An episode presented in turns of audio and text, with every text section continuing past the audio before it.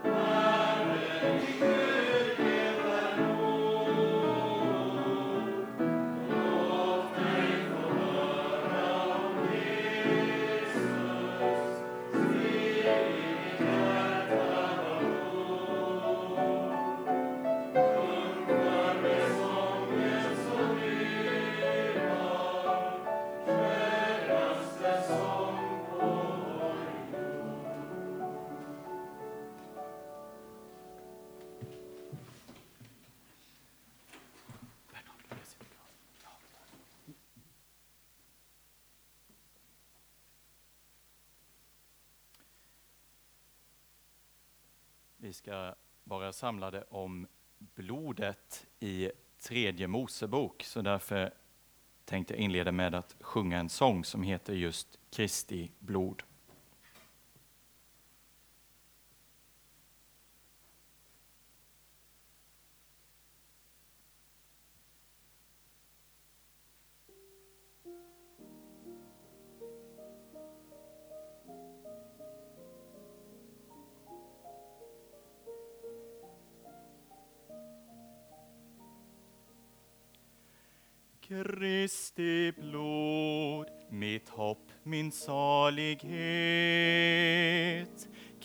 Kristi blod, den enda tröst jag vet, då synden ger mig djupa sår.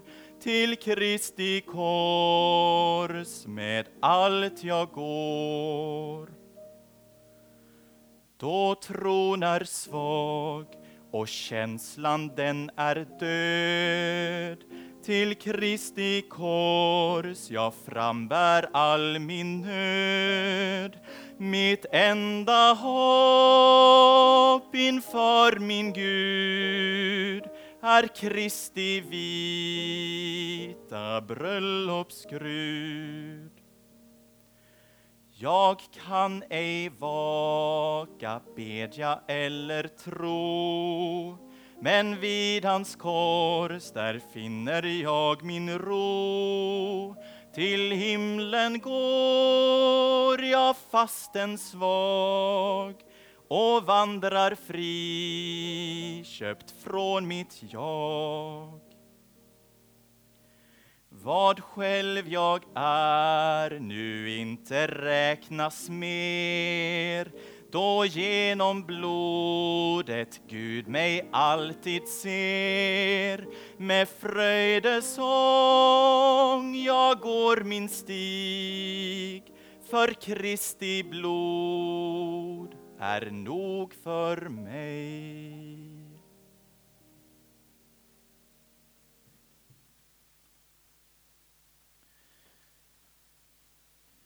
Ja, det är ju vår bön när vi samlas till, till att läsa Guds ord, att vi får höra om Jesus. Och därför är det en god sång vi sjöng i början, Låt mig få höra om Jesus. Det är inget som en predikant kan ta av sig själv, en präst, utan det är en bön att församlingen ska få höra om Jesus och att han ska bli förkunnad. Det står ju om Jesus att han började med Mose. Han började med Mose och förklarade för lärjungarna som inte förstod skrifterna. Detta är sagt om mig i alla skrifterna och han började just med Mose. Och där vill vi också börja denna stund, men låt oss först be. Käre Jesus, vi ber dig att, att du skulle öppna våra ögon för orden, Herre. Så att vi inte bara ser orden, Herre, utan kan se att du är vår frälsare i dessa ord.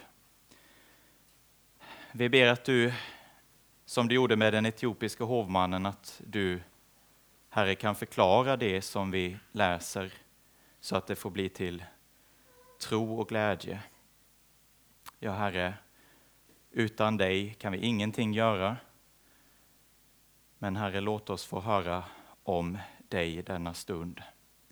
Det ber vi om, att du är mitt ibland oss. Amen.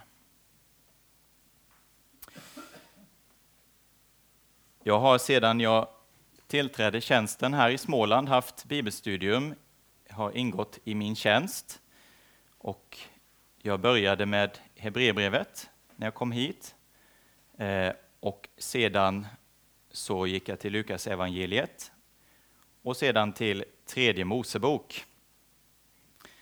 Eh, och vi har återgått till bibelstudium i Hebreerbrevet, men det var något jag ville ta upp i tredje Mosebok Det är en fantastisk skrift att se mönstren i denna bok.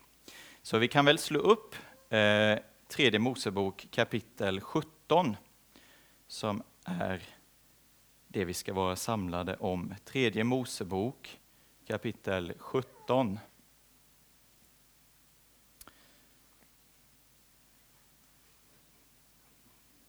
När vi brukar ha bibelstudier här så brukar vi ha att vi läser en vers i taget, men jag tänker att det kanske är enklast i detta fall att jag läser verserna. Herren talade till Mose. Han sade, säg till Aron och hans söner och alla Israels barn, detta är vad Herren har befallt. Om någon av Israels hus slaktar ett nötkreatur, ett lamm eller en get, i eller utanför lägret och inte för fram djuret till uppenbarelsetältets ingång för att bära fram det som en offergåva åt Herren. Framför hans tabernakel skall detta tillräknas den mannen som blodskuld. Han har utgjutit blod och han skall utrotas ur sitt folk. Därför skall Israels barn komma med sina slaktdjur som de brukar slakta ute på marken fram till Herren, till uppenbarelsetältets ingång till prästen och slakta dem där som ett gemenskapsoffer åt Herren. Prästen skall stänka blodet på Herrens altare vid ingången till uppenbarelsetältet och bränna fettet till en ljuvlig doft för Herren. De skall inte mer offra sina slaktoffer till de onda andar som de i trolös avfällighet håller sig till. Detta skall vara en evig stadga för dem från släkte till släkte. Säg till dem om någon av Israels hus eller av främlingarna som bor bland dem offrar ett brännoffer eller ett slaktoffer och inte för fram det till uppenbarelsetältets ingång för att offra det åt Herren, skall den mannen utrotas ur sitt folk. Och om någon av Israels hus eller av främlingarna som bor ibland dem förtär något blod, skall jag vända mitt ansikte mot den som äter blodet och utrota honom ur hans folk. Ty kroppens liv är i blodet och jag har givit er det till altaret till att bringa försoning för era själar. Det är blodet som bringar försoning genom själen som är i det. Därför säger jag till Israels barn, ingen av er skall förtära blod. Främlingen som bor ibland er skall inte heller förtära blod. Om någon av Israels barn eller av främlingarna som bor ibland dem fäller ett villebråd av fyrfotadjur eller en fågel av det slag som får ätas, skall han låta blodet rinna ut och täcka över det med jord. Ty varje kropps liv är dess blod.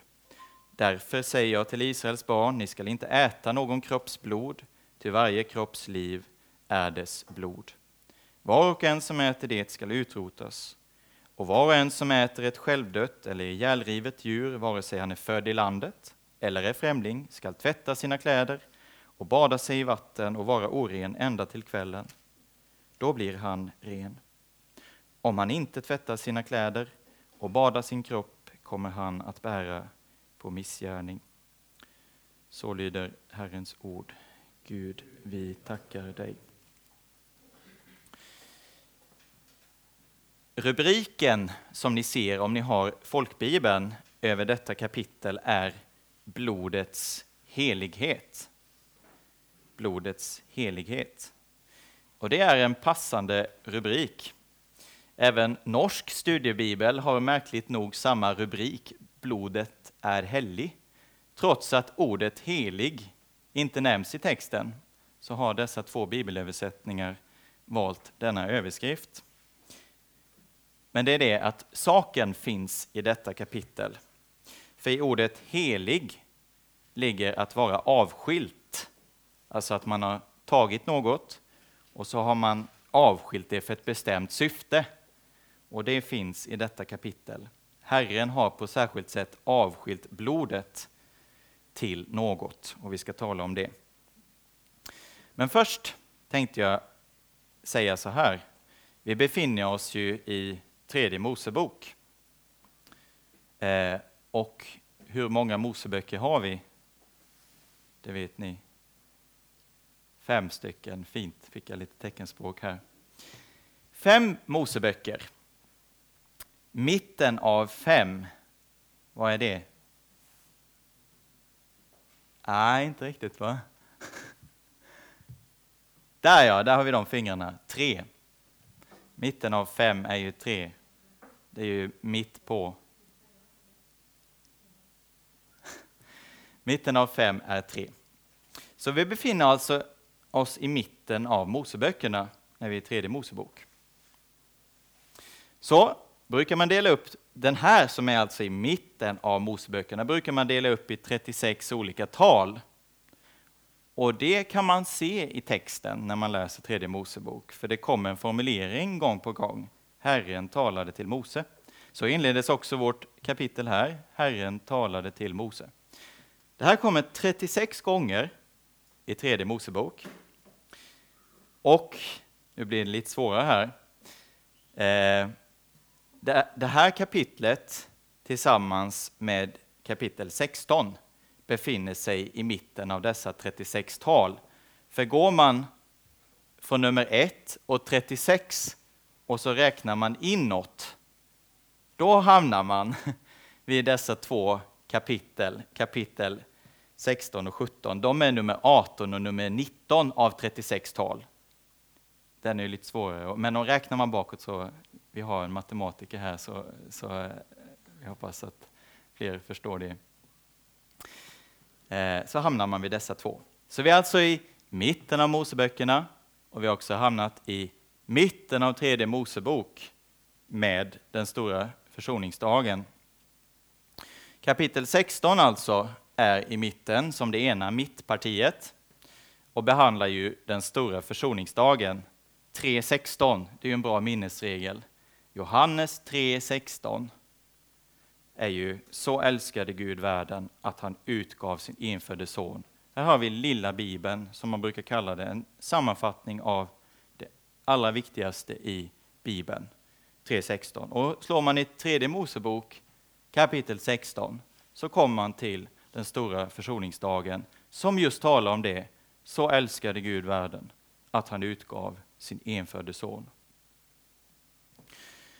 Och den stora försoningsdagen är den dag då försoning bringas inför Herrens ansikte.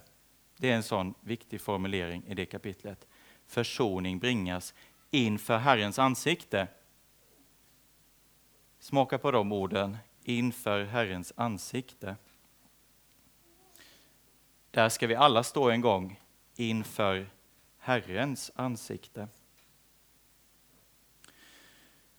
Och jag såg en stor vit tron och honom som satt på den. För hans ansikte flydde jord och himmel. Och jag såg de döda, både stora och små, stå inför tronen. För hans ansikte flydde jord och himmel, och jag såg stora och små stå inför tronen. Alltså både stora och små, lägg märke till det. Alla ska stå där. Också våra barn är ju evighetsvarelser med eviga behov. Stora och små ska stå där. Det vet vi, det väntar den dagen då alla ska stå där. Men så vet också en kristen att jag redan här och nu kan ställa, vi står ju alla inför Herrens ansikte oavsett om vi, om vi ser det eller inte, men jag kan ställas inför Herrens ansikte på ett sätt genom Guds ord. Så ställs jag inför Herrens ansikte. Eh, ordet är levande och verksamt. Och det är skarpare än något svärd här på jorden. När jag ställs inför det ordet så ställs jag inför Herrens ansikte. Det tycks kanske inte så. Eh, vi tänker kanske inte så om Guds ord, om Bibeln, när vi läser. Att vi verkligen ställs inför Herrens ansikte. Men så är det. Eh, och oavsett vad vi tänker om det så tar inte Gud hänsyn till det, utan det är så. Guds ord ställer oss inför honom själv. Det står i en sång så här. Guds ord består till evig tid, i livet och i döden. Guds ord ger varning, tröst och frid. Guds ord ger fröjd i nöden. Så är det, oavsett vad människor tänker om Guds ord. Det här är ett ord som består i livet, i döden, ger varning, tröst och frid. Så får människor tycka vad de vill, men så är det. Och då, om detta ord får ljuda, då tränger det igenom den här dubbla äggen så att det skiljer själ och ande. Och så ser jag helt plötsligt att det är en domare över mitt hjärtas uppsåt och tankar. Tänk att Guds ord ställer mig så att det är en domare över mitt hjärtas uppsåt och tankar. Så om någon predikar Guds ord så kan det faktiskt hända, som det står i första Korinthierbrevet 14, att om en som inte tror eller förstår kommer in där det här svärdet ljuder, blir han avslöjad och dömd. Det kan hända. Hans hjärtas hemligheter uppenbaras och han faller ner på sitt ansikte och tillber Gud och ropar Gud är verkligen i er. Så står det i första Korinthierbrevet. Alltså om någon kommer in så kan helt plötsligt hans hjärtas tankar uppenbaras och han kan förstå det så att han faller ner på sitt ansikte. Det är Gud som är här. Det kanske inte så att Guds folk besinnar att, att Gud är här när hans ord predikas så som vi borde, men det kan komma in någon som helt plötsligt inser han är här. Det är ordet som kan öppna mina ögon för det här att inget skapat är dolt för honom. Ingenting. Varken nu eller den dag då jord och himmel flyr för hans ansikte. Varken nu eller då är något dolt.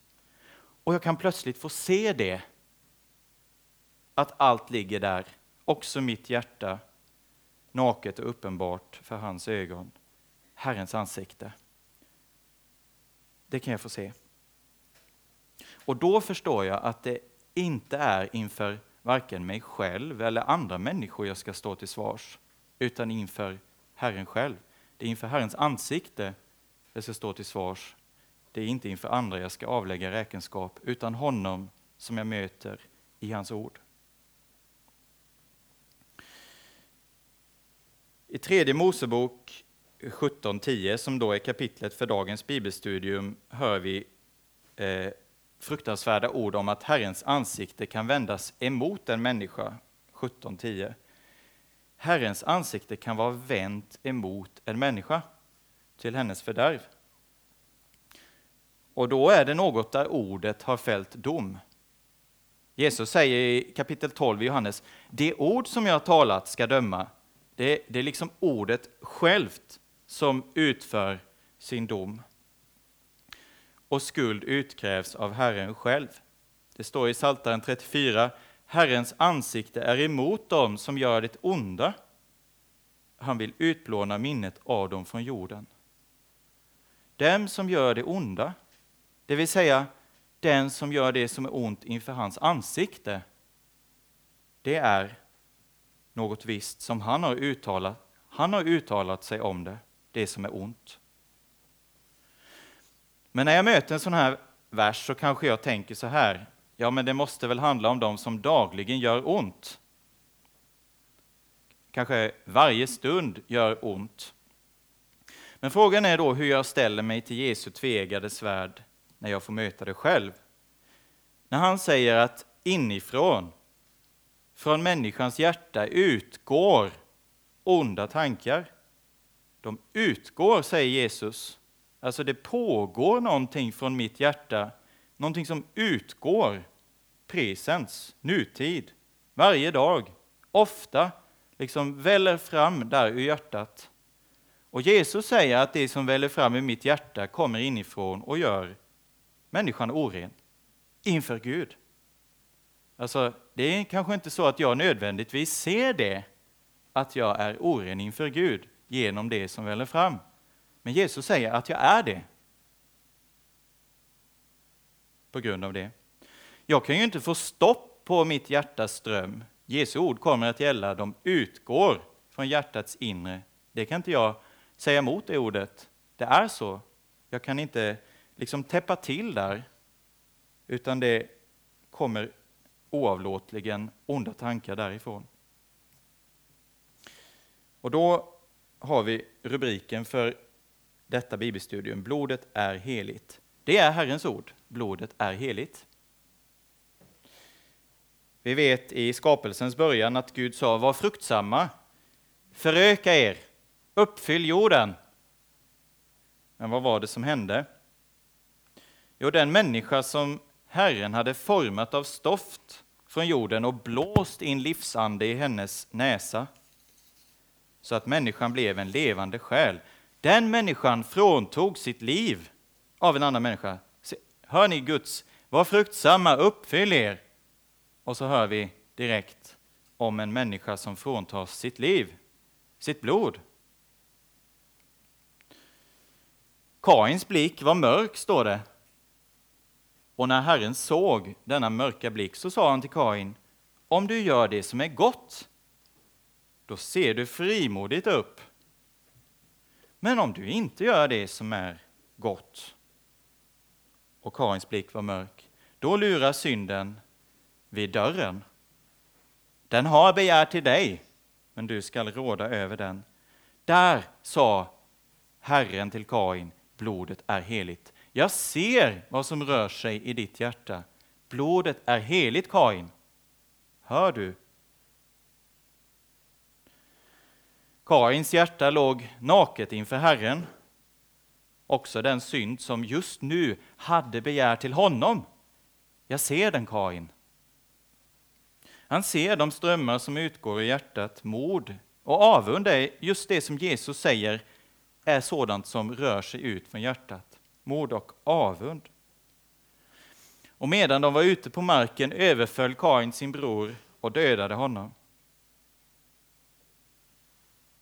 Kain skulle ställas inför Herrens ansikte. Var är din bror Abel? Jag vet inte.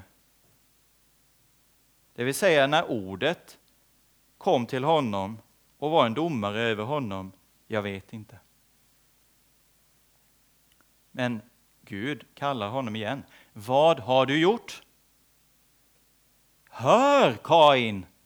Din brors blod ropar till mig från marken.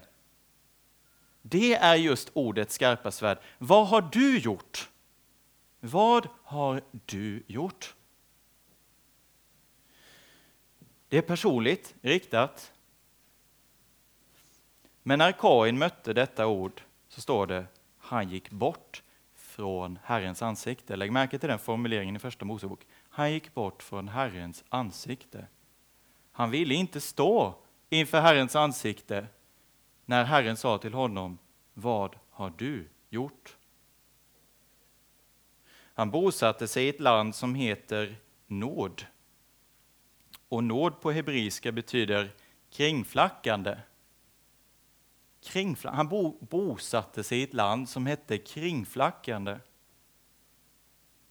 Och det är vad den blir som här i tiden försöker att fly för Herrens ansikte. Blir kringflackande med min skuld. Men kan jag fly från Herrens ansikte enligt skriften? Det kan jag inte. David säger så här. Vart ska jag fly för ditt ansikte?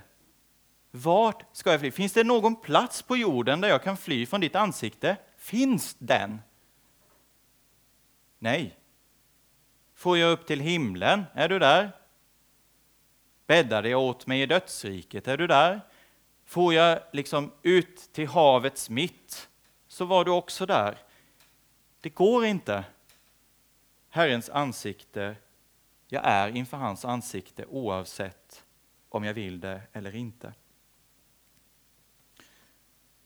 Och Gud säger ju, vi hörde ju i dagens gammaltestamentliga läsning i kyrkan om den här regnbågen som Gud satte eh, som tecken på sitt förbund. Och då sa han också de orden, av var och en som dödar sin broder skall jag utkräva den människans liv. Det vill säga, det är Gud som utkräver det livet. Men frågan blir ju då, hur ska jag undgå att vilja fly för Herrens ansikte? när Herren avtäcker min synd? Hur ska jag undgå att vilja bosätta mig i landet nåd och vara den här kringflackande och faktiskt stå kvar där inför Herrens ansikte? Ja, när ordet skarpa svärd träffar mitt hjärta och säger som till David, du är den mannen. Det är du, ingen annan. Det är du. Men då är det så gott att David hade en bön. Två mig så att jag blir vitare än snö. Du, Gud, kan två mig så att jag blir vitare än snö. Tänk på den här snövita tronen som vi inledde med. Alla de här som står inför tronen, stora och små. Två mig så att jag blir vitare än snö. Och det är då det är så tröstefullt just denna struktur i Moseböckerna. Att det just är så i mitten. Att dessa kapitel ligger där i hjärtat av Moseböckerna. Det är, det är verkligen hjärtat, kärnan. Först kapitel 16 har vi själva försoningen inför Herrens ansikte. Och i kapitel 17 försoningens medel, alltså vad är det som utverkar försoning? Det är blodet. Verbet försona, försona, på hebreiska så tycks det komma av en rot som betyder att stryka av. Ni vet som man stryker av någonting. Och att täcka. Båda dessa betydelser. Att stryka av någonting och att täcka det.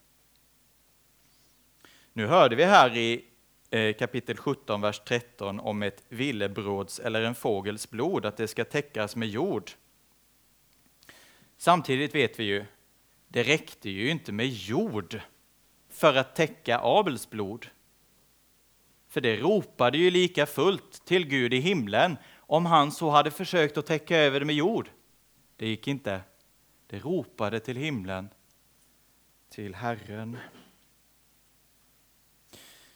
Och då har vi den andra betydelsen, alltså den första hebreiska betydelsen är stryka av, täcka över.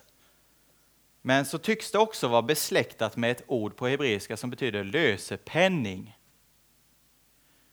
Och kombinerar man nu dessa två betydelser så innebär det ju att prästen utverkar försoning, det vill säga han stryker av och täcker synden. På vilket sätt kan han göra det? Det går inte med jord. Nej, genom att erlägga en lösepenning, en betalning. Blodet. Då har vi, då har det skett försoningen. Och det är ju i de här två som en kristen lever. Att ha en övertäckt synd i kraft av en betalning, en lösepenning. Där lever jag att det är övertäckt, att det är betalat, blodet. Och på så sätt så är ju eh, Lutherrosen ett vittnesbörd om just detta. Här fick jag på min prästvigning eh, och ska påminna mig om vad jag ska predika. För där har vi ju i Lutherrosen ett svart kors absolut i mitten på mitt röda hjärta. Tron på den korsfäste gör mig salig. Det är han, det är korset som gör mig salig för evigt. Och så får mitt hjärta vara i en vit ros. Alltså när korset är i den absoluta mitten då liksom det upp en vit ros runt detta som förklarar så här. Tron på denne korsfäste ger glädje, tröst och frid. Och Jesus säger ju det. Frid lämnar jag efter mig åt er. Min frid ger jag er. Inte ger jag er en sådan frid som världen ger. Låt inte era hjärtan oroas och var inte modlösa. inte ger jag er en sådan frid som världen ger. Oj, ursäkta. Det var inte så bra. Så vi ställer den står istället. Alltså, världen, den frid som världen ger, är ingen frid.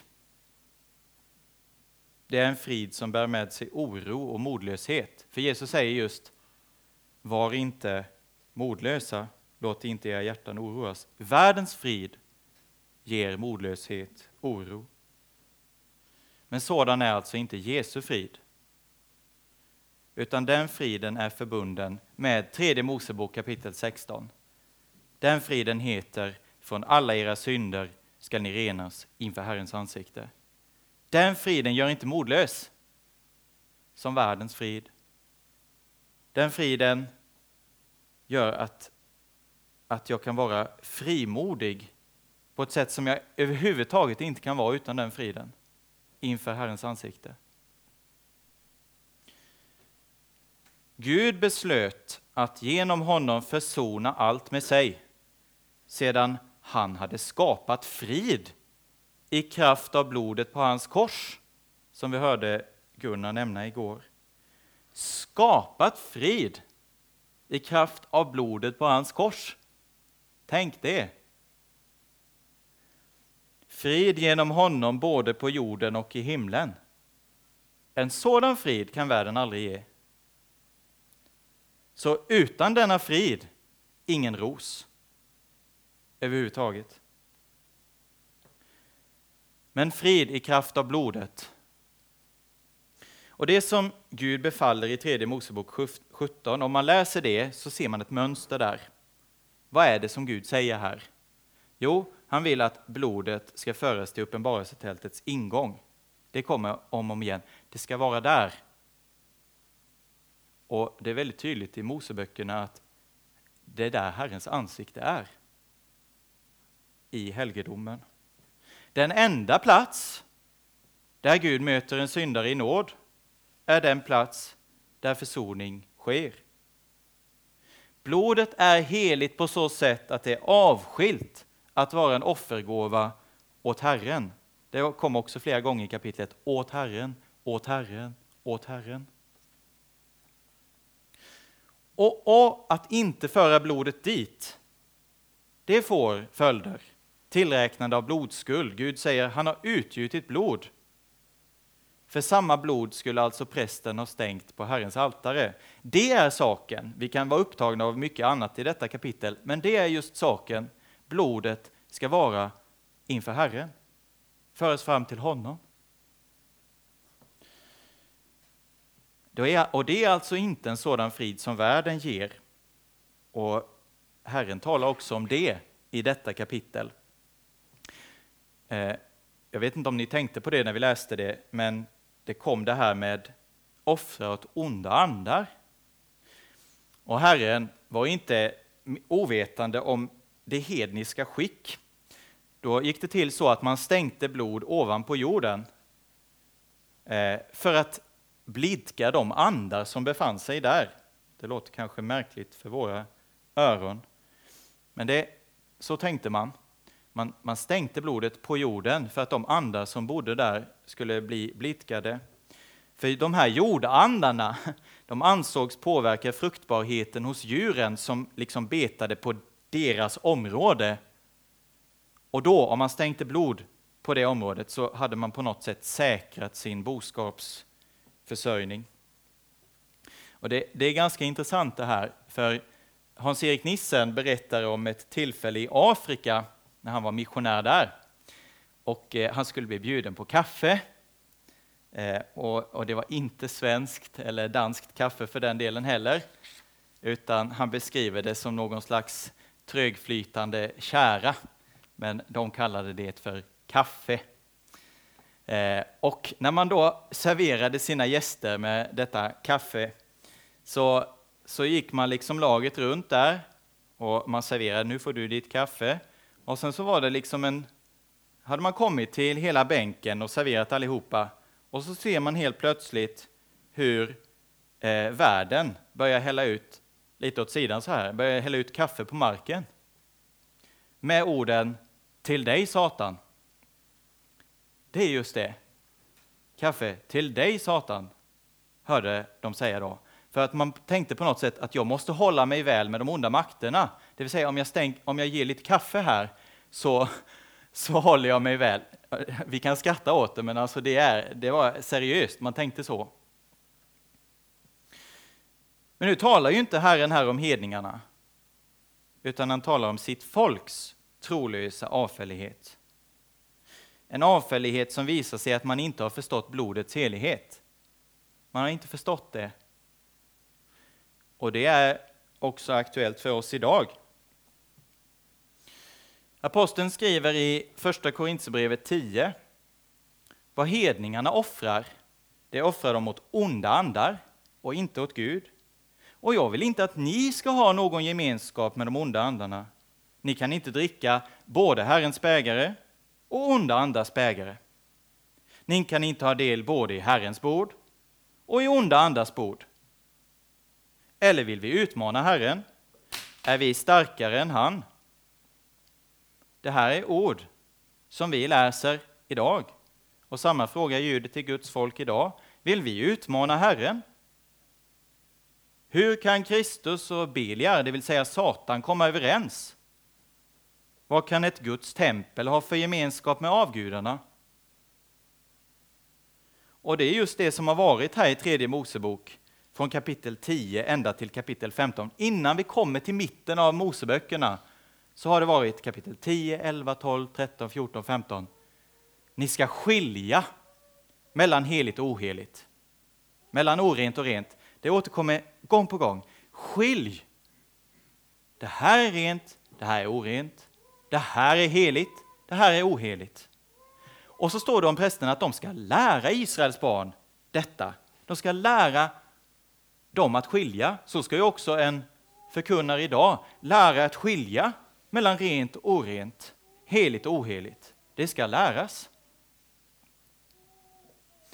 Alltså blodet skulle varken hällas ut på jorden eller förtäras. Också i detta med förtära blod så kan det vara udden just riktad mot hedniskt tankesätt. För då var det så att hedningarna drack djurets blod eller åt det tillsammans med sitt kött. Och när man hade gjort det så tänkte man, nu har jag fått kraften i detta djur genom blodet. Så här är udden också riktad mot det här hedniska. Det ena är att man liksom stänker blod på jorden för att blidka de onda andarna. Och det andra var att man förtärde blodet för att man tänkte nu, nu har jag detta djurs kraft, livskraft. Och här säger Guds ord i kapitel 17 att, att det är visserligen riktigt att kroppens liv är i blodet, men ni får liksom inte, vad ska ni med detta liv till? Just för att kroppens liv är i blodet så har jag gett er det till altaret. Herrens altare. Och det här uttrycket Herrens altare, det kommer bara här i hebreiskan. Herrens altare. Lägg märke till, blodet ska bäras fram till Herren. Det är Herrens altare. Han är där. Det, hans ansikte är där. Och varför ska det vara till Herrens altare? Jo, blodet ska bringa försoning för era själar. Är inte det ett vackert uttryck? Blodet bringar försoning för era själar. Det vill säga Gud säger till sitt folk, varför söker ni livskraft någon annanstans än där jag har givit den? I det försonande blodet. Där jag möter en syndare i nåd. Varför, liksom, håll, varför stänker ni blod och varför dricker ni blodet för liksom, här är livet, här är försoningen i blodet. Där synden blir övertäckt i kraft av blodet. Varför söker ni, varför flackar ni kring allt möjligt annat än där i försoningen? Varför söker ni er frid i världen som inte ger någon verklig frid? Varför söker ni lyckan i att blanda det här, rent och orent? Det är ingen lycka att blanda det. Och därför är det en god bön i Saltaren 26. Där kommer dels detta, utforska mig, Herre, och pröva mig. Ransaka mina njurar och mitt hjärta din nåd är inför mina ögon. Din nåd. Jag sitter ej hos lögnare, hos de ogudaktiga sitter jag inte. Var vill jag vara? Jag vill inte sitta där. Jag vill vandra kring ditt altare, Herre. Jag vill vandra runt där för att höja min röst till tacksägelse och förkunna alla dina under. Herre, jag älskar din boning, den plats där din härlighet bor. Ransaka mig, jag vill vandra kring ditt altare, Herre. Jag vill höja min röst till tacksägelse. Låt mig få höra om Jesus och låt mig tacka dig för honom. Där bor du. Och här i tredje Mosebok kapitel 17 är det så tydligt. Herren har givit blodet. Det är en gåva. Han har givit den försonande verkan för våra själar. Så att Jesus kan säga de orden. Jag lämnar verkligen frid åt er. Det är en verklig frid. Frid i kraft av blodet på hans kors. Det är blodet som bringar försoning genom själen som är i det. Försoning för era själar genom själen som är i blodet. Ordet själ kommer egentligen från ordet matstrupe. Det är det som ligger till grund för det ordet, matstrupe. Och här har vi hela, hela systemet. Och I överförd betydelse betyder det då livsande, livskraft. Det var ju det man tänkte när man drack det här blodet, att man fick livskraften själ och ande. Alla dessa betydelser finns i det här ordet på hebreiska, men det kommer alltså från matstrupe. Och nu förstår vi, det är därför som blodet är avskilt, för detta syfte. För förlust av blod, det vet vi, det är förlust av livskraft. Livet liksom sinar bort i takt med att blodet lämnar vår kropp. Om vi möter någon som har förlorat mycket blod så, så ser man liksom hur livet liksom rinner ut. Vårt fysiska liv kan inte existera utan blodet. Och att Jesu blod då utgjuts vittnar om nu ger jag mitt liv som betalning, lösepenning för många. Nu kanske man tänker så här som modern lyssnare till detta bibelstudium, att det talas så mycket om blod. Det är på något sätt främmande och motbjudande för nutida människor. Och därför så kan man stå främmande inte bara inför Gamla testamentet, utan även inför Nya testamentet som talar mycket om det försonande blodet.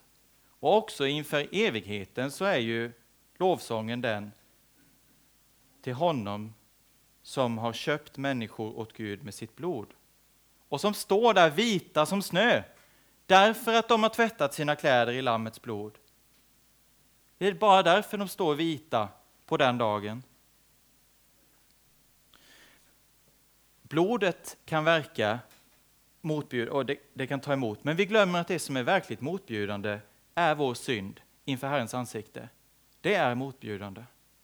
Den här trolösheten som talas om här, den är motbjudande.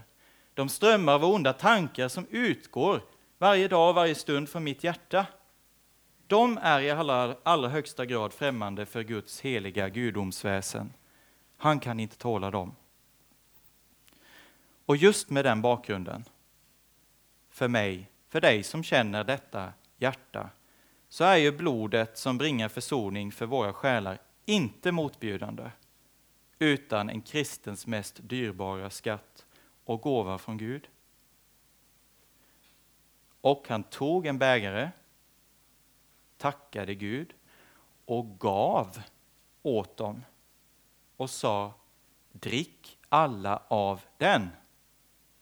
Ty detta är mitt blod, förbundsblodet som är utgjutet för många till syndernas förlåtelse. Han gav det till syndernas förlåtelse. Och då kan vi slå upp i psalmboken som jag hoppas att ni har, nummer 439. Det är fler än jag som tappar saker här. Eh, 439. Eh, eh, Eh, så ska vi läsa där vers 7 till 8. Eh, och jag kan läsa för er. 439, vers 7 till 8.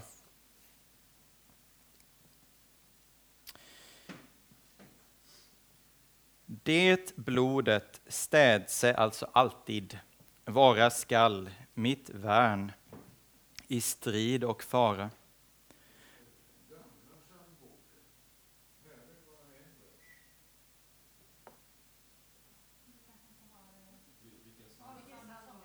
Eh, 439 är den som låg här bak. Ja, de som låg här bak tror jag var de som det står eh, Slätthögs församling på. Eh, 439, vers 7. Alltså en kristens största skatt. Varför då? Det blodet städse vara skall, mitt värn i strid och fara. Mot frestelse och syndafall det mitt beskärm skall vara. Den djupa källan till min fröjd, min tröst när jag av sorg är böjd, min hungnad, alltså min eh, ja, hugsvalelse, tröst under färden, min svalka när det är varmt, när min törst är het, min tillflykt i min ensamhet, när jag har mist allt i världen, då är det det och sen, när jordelivet är förbi och för Guds tron jag träder, alltså Herrens ansikte, då skall ditt blod den purpur bli, var i min själ sig kläder. Därmed jag kan för Gud bestå. Och in i Faderns rike gå. Och där i högtidsfröjden, när lammet viges vid sin brud, jag bär min krona och min skrud till evig tid i höjden. Alltså både här på jorden och när jordelivet en gång är förbi. Och detta är ju luthersk gudstjänst. Det här är ett lutherskt läge. Vi samlas kring ordet, vi samlas kring sakramenten, Jesu gåva, hans blod, och luthersk psalmdiktning, här i form av Paul Gerhardt på 1600-talet. År 1647 skrev han denna.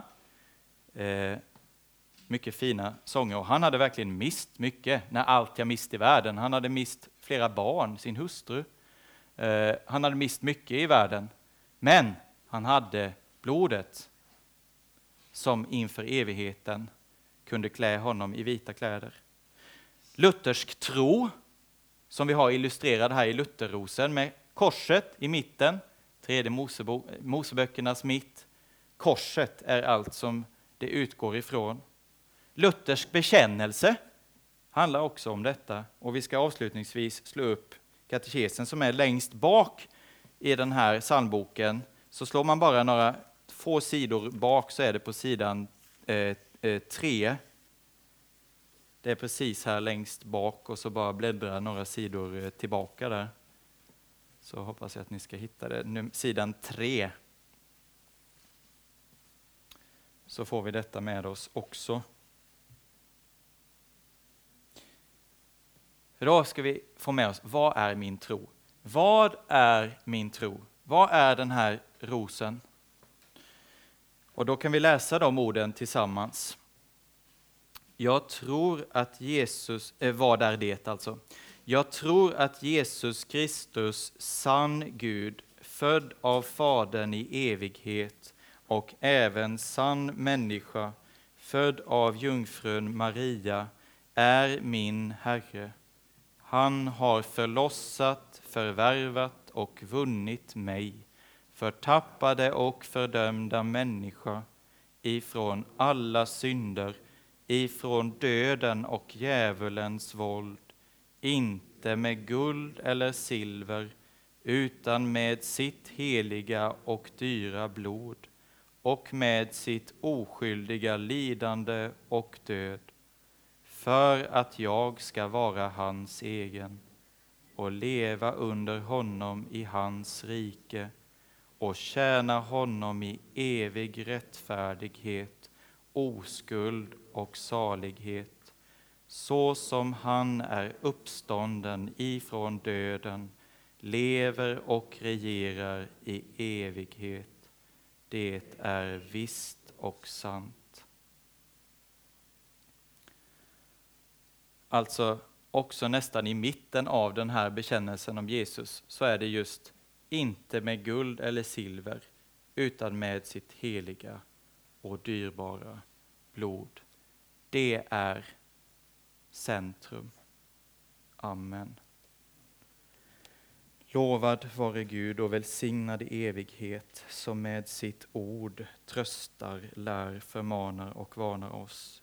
Helige Ande, skriv detta ord i våra hjärtan så att vi inte blir glömska hörare utan varje dag växer till i tro, hopp, kärlek och tålamod in till tidens slut och blir saliga genom detta blod, Lammets blod som gör oss vitare än snö.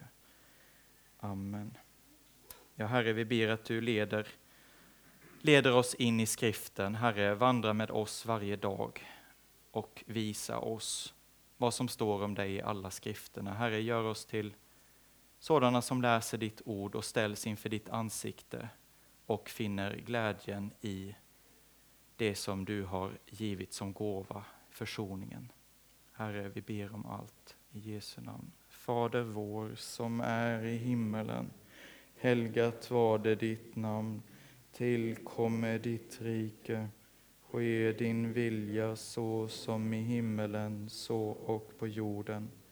Vårt dagliga bröd giv oss idag och förlåt oss våra skulder så som och vi förlåta dem oss skyldiga äro och inled oss inte i frestelse utan fräls oss ifrån ondo. Ty riket är ditt och makten och härligheten i evighet. Amen. Vi kan väl avsluta, nu har inte jag förvarnat här, med sjunga nummer 230, Klippa du som brast för mig. 230.